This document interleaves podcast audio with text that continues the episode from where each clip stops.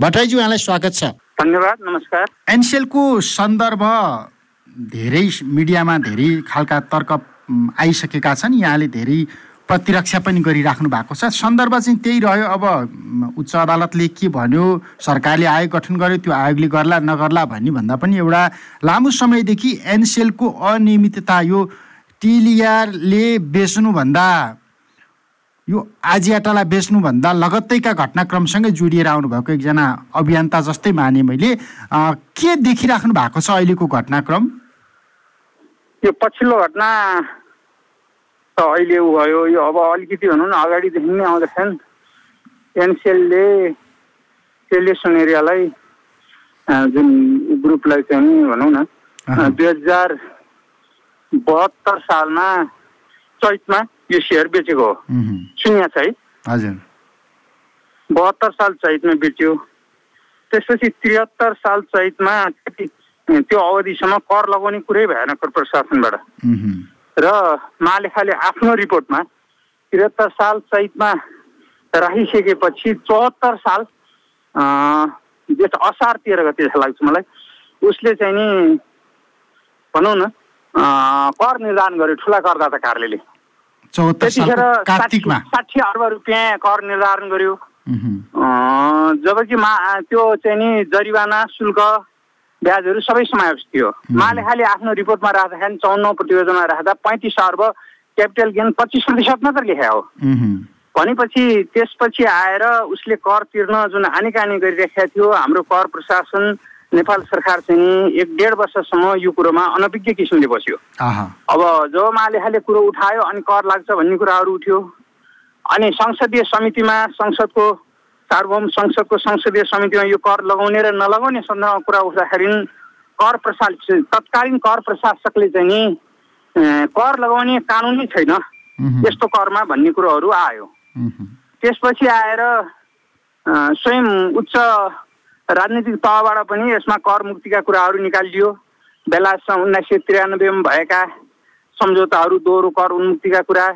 अब यो नर्वेसँग यसको उ थियो नर्वेसँग हाम्रो कर लाग्दैन दो यस्तो कर भन्ने कर प्रशासकहरूबाट कुरो आएपछि अनि त्यसपछि पछि आएर कर निर्धारण भएको हो लामो समय लाग्यो। अब सुरुमा पनि उसले कर तिर्न नचाहने भनौँ न उसले चाहिँ नि विभिन्न किसिमका अलिअलि यसमा छलछाम गरिरहेको स्थिति थियो भने सर्वसम्मानित सर्वोच्च आयोगमा मुद्दा परेर सार्वजनिक सरकारको तर्फ मुद्दा परिसकेपछि उसले करिब भनौँ न सडचालिस अर्ब कर तिर तिर्यो र दोस्रो फैसलाले अझ अठार अर्ब तेत्तिस करोड त कर कटौती गरिदियो साठी अर्बमा। साठीलाई पनि बयासठी निर्धारण गरेको थियो एक्जिटाको नाउँमा। पहिला साठी चाहिँ नि टेलिसोनारीको नाउँमा थियो साठी अर्ब बयासठी अर्ब त्रिसठी करोड चाहिँ नि एक्जिटाको नाउँमा चाहिँ निर्धारण भएको थियो। त्यसलाई सडचालिस हजार सडचालिस अर्ब तिरिसकेपछि ऊ पछि आएर चाहिँ नि अन्तर्राष्ट्रिय ट्रिब्युनल जुन नेदरल्यान्डको हेगमा गयो। हेगमा गएपछि ऊ कर नतिर्ने मनसायले अझ उल्टो पेनाल्टी र नेपालले चाहिँ धेरै तिर्नुपर्ने किसिमले देखाइदियो। र उसले दाबी गर्यो। तर संयोगवश भनौँ अथवा हाम्रो कर कानुन डह्रो भएको हुनाले अन्तर्राष्ट्रिय भनौँ ट्रिब्युनलले पनि नेपालको पक्षमा कर तिरेको ठिक छ भनिदियो। र अहिले आएर हेलो सुनिरहेको अहिले आएर के गरिदियो भने उसले पचा पा जुन भनौँ न पचास मिलियनमा बेच्यो भन्ने कुरो गर्यो। छ अर्ब छैसठी करोड। त्यति नभई होइन यो त पाँच सय मिलियन छ भनेर छैसठी अर्ब भन्ने कुराहरू चाहिँ सार्वजनिक भइरहेको छ। अब यहाँ चाहिँ कुरो के आउँछ भने हाम्रो विगतको एउटा शैली हाम्रा जुन कानुनमा त्रुटि त छँदै छैन भन्छु म कतैबाट नि। सङ्गठनात्मक र जुन कार्य कुशलतामा जुन एउटा हस्तक्षेप होला अथवा जुन सम्बन्धित पदाधिकारीहरूले त्यसलाई चासो लिनु नभएको अथवा तदारुता नदेखाएको कारणले र उनले अहिले पछि के पनि दोष लगाइरहेको छ भने हामीलाई जुन सुशासन शैली नेपालमा कमजोरी भएको अनि कर प्रशासनमा मलाई दुःख दिएको भन्ने कुरो निकालिरहेको छ। अब कर प्रशासनमा दुःखको कुरो निकालिरहेको छ। अब हुनसक्छ उसले फाइभ जी लिने क्रममा अलिक केही ऊ भइरहेको होलान्। अब उसले वर्षको बिस अर्बसम्म लाभांश नेपालबाट लगिरहेको छ उसमा। अब नेपाल प्रशा नेपाल सरकारलाई चाहिँ नि भनौँ न तिन खर्ब पाउने तिन खर्बभन्दा बढी कर तिरिसके भन्छ। लाभ कर सहित गरेर यो वार्षिक लाभांशहरू सहित जुन करमा समावेश गर्दा। भनेपछि त्यत्रो गरेको संस्था आज दूरसञ्चार संस्थानलाई पनि उसले दूरसञ्चार संस्थान नेपाल टेलिकमलाई पनि एक किसिमले भनौँ न यो अप्ठ्यारोमा पारिराखेको थियो। प्रविधिमा चाहिँ उ गरिसकेको पच्चिस हजारलाई चाहिँ हामीले रोजगारी दिएको भनेको कति एक एक एक करोड त्रिसठी लाख जस्तो लाग्छ मलाई। चाहिँ हाम्रो सिम होल्डर छन् भन्ने संस्थाले यो गर्नु मुलुकको लागि असाध्यै दुःखदायी कुरो भयो।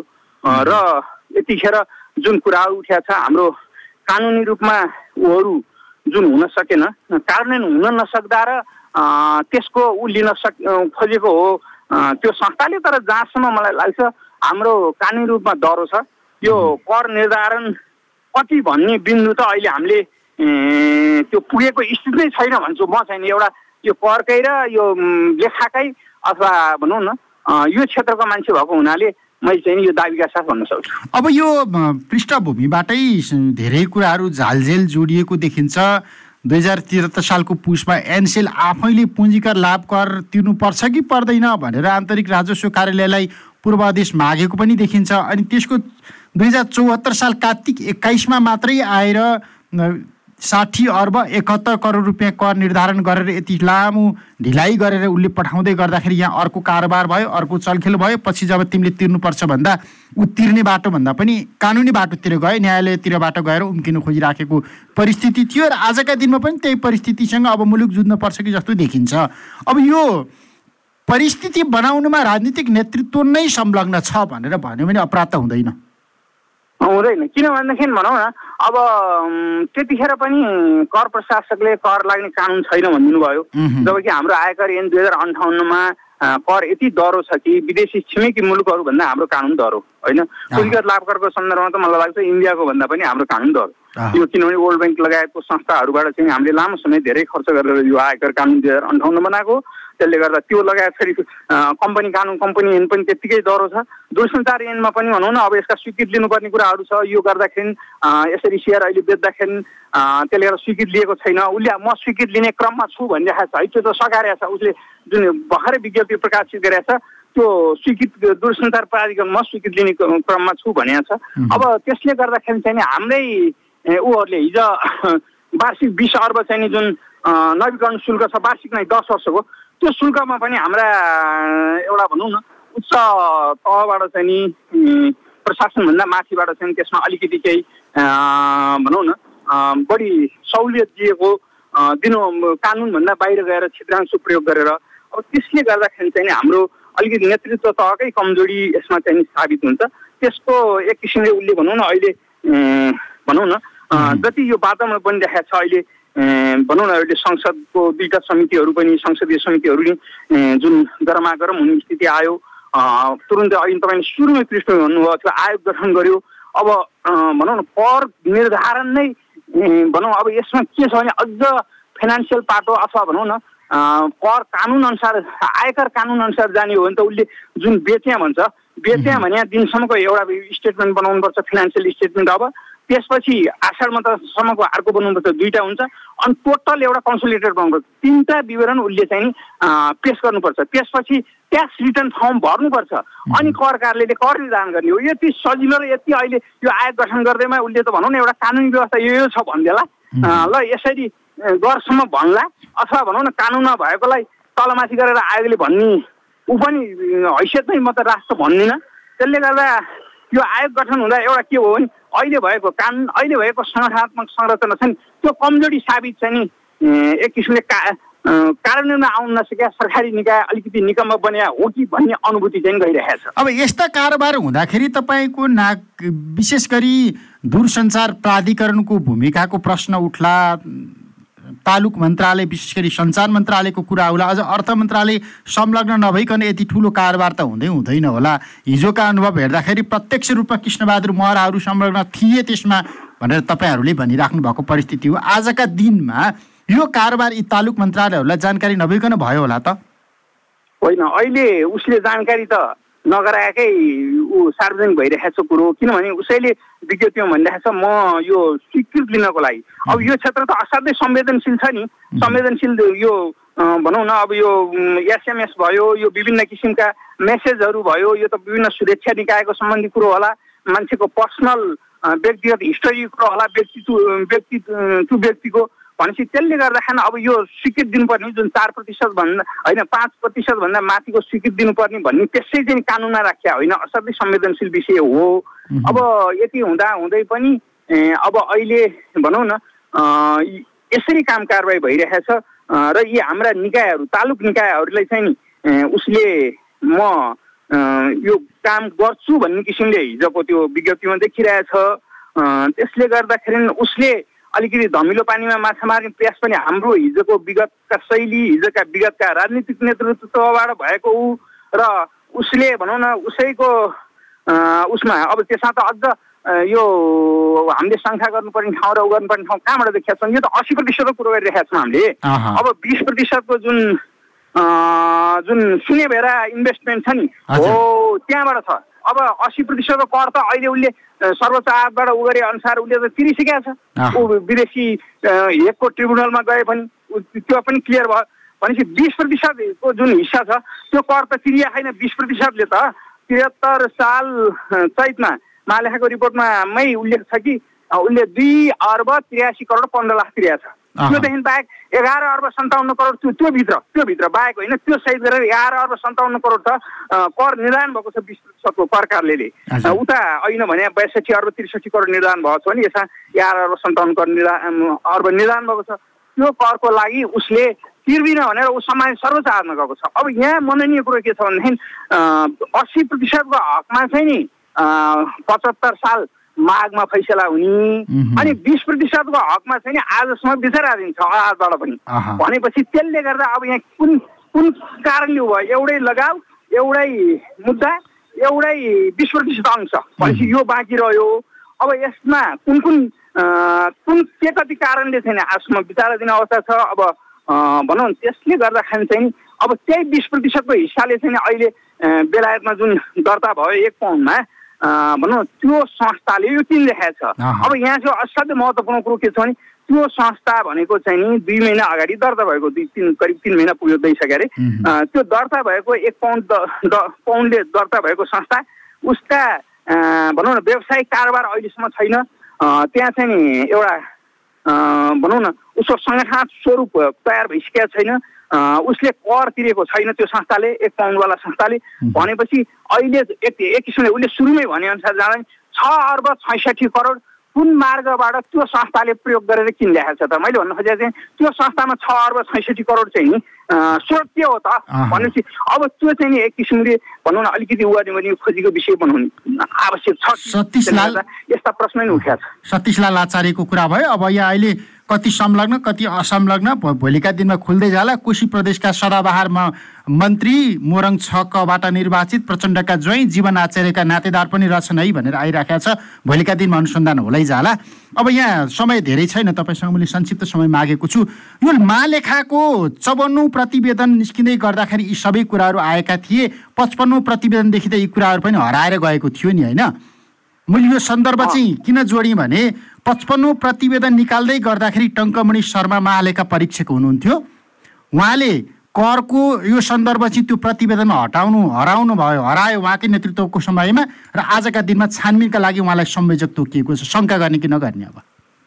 अब यसमा यहाँले भन्नुभयो जस्तो चौन्न प्रतिवेदनमा पैँतिस अर्ब एकानब्बे करोड भनेर चाहिँ हामीले रिपोर्टमा समावेश गऱ्यौँ। पच्चिस प्रतिशत जुन एक खर्ब भनौँ न त्रिचालिस अर्बको त्यसपछि महालेखाले लेखिसकेपछि तिन चार महिनापछि कर निर्धारण भयो। साठी अर्ब अब त्यसको फरक पच्चिस अर्ब थियो।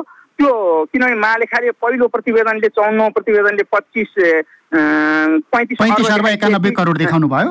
देखाइसकेपछि पचपन्नौ प्रतिवेदनमा गएर त्यो करले देखाएको अङ्कलाई बेरुजु कायम गर्नु पर्थ्यो साठी अर्ब उनले त्यो कुरोमा भनौँ न आगामी प्रतिवेदनमा त्यो समावेश भएन कर निर्धारण भएको अङ्क बेरुजु कायम भएन।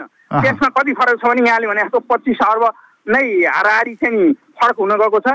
र त्यतिखेर मैले यो सार्वजनिक रूपमा त्यतिखेरै मिडियाहरूमा के सुनेको थिएँ भने यो कुरो उठाएको छ मिडियाले।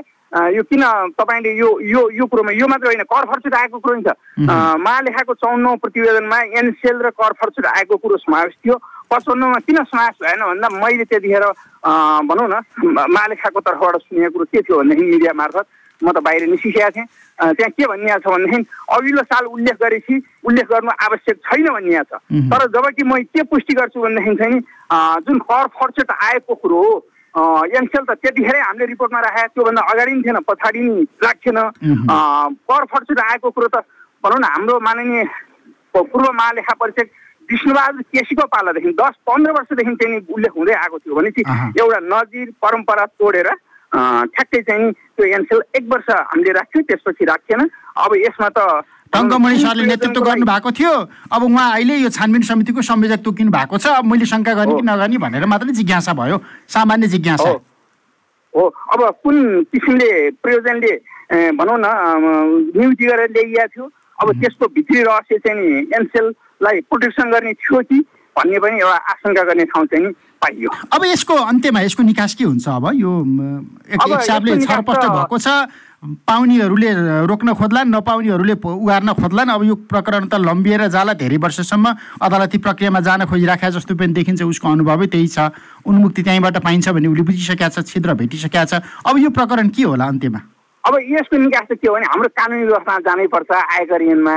आयकर ऐनले चाहिँ नि भनौँ न जुन सेयर पर्चेसका कुराहरू त्यसपछि यो सेयर सम्झौताका कुराहरू त्यसपछि आएर जुन खर्च त्यसपछि आम्दानी भनौँ उसको पुँजी दायित्व जुन एउटा निर्धारण गरेको उसले पेस गर्नुपर्छ सेल्फ ट्याक्स एसिसमेन्ट यदि त्यो गलत छ भने कर कार्यालयले चाहिँ फेरि आफै चाहिँ नि पुनः लेखा परीक्षण भन्ने सिस्टम छ त्यहाँबाट हेर्न सक्छ आफै आफै चाहिँ नि अनुसन्धान गर्न सक्छ। त्यो त्यो आधारमा अब यो करको कुरोको हकमा अन्तिम बिन्दुमा पुगेकै छैन। अब अन्तिम बिन्दुमा पुग्न कर कार्यालय नै ले नै आफ्नो जुन कार्यशैली र भूमिका प्रयोग गर्नुपर्ने हुन्छ। यता चार प्रतिशत पाँच प्रतिशतभन्दा बढीको स्वीकृति पनि लिइसकेका अवस्था छैन। म प्रक्रिया छु भन्छ। अब बेच्नेले बेच्यो किन्नेले किनेको छ। अब यदि बेच्नेले यो यो दायित्व पुरा गर्दैन करप्रति र यो दूरसञ्चार प्राधिकरण र कम्पनी कार्यालयमा भने तिमीले पनि यसमा चाहिँ अब दायित्व निर्वाह गर्नुपर्ने हुन्छ। र अहिले जति यो उ गरिएको छ बाहिर चाहिँ एउटा के भने हाम्रो सिस्टम हाम्रो कानुनी व्यवस्थाभन्दा बाहिर गइएको छ। त्यो जानुको कारण पनि के हो नि हिजो उसले जुन अपत्यारिलो काम गर्दाखेरि चाहिँ सबैलाई शङ्खाको वातावरण बनाएको हो हुन्छ सर समय र संवादको लागि धन्यवाद। हस् धन्यवाद। यहाँले नि मेरो अनुभव मलाई थाहा भएको कुरा भन्ने मौका दिएकोमा यहाँको उसलाई चाहिँ धन्यवाद भन्दै नमस्कार।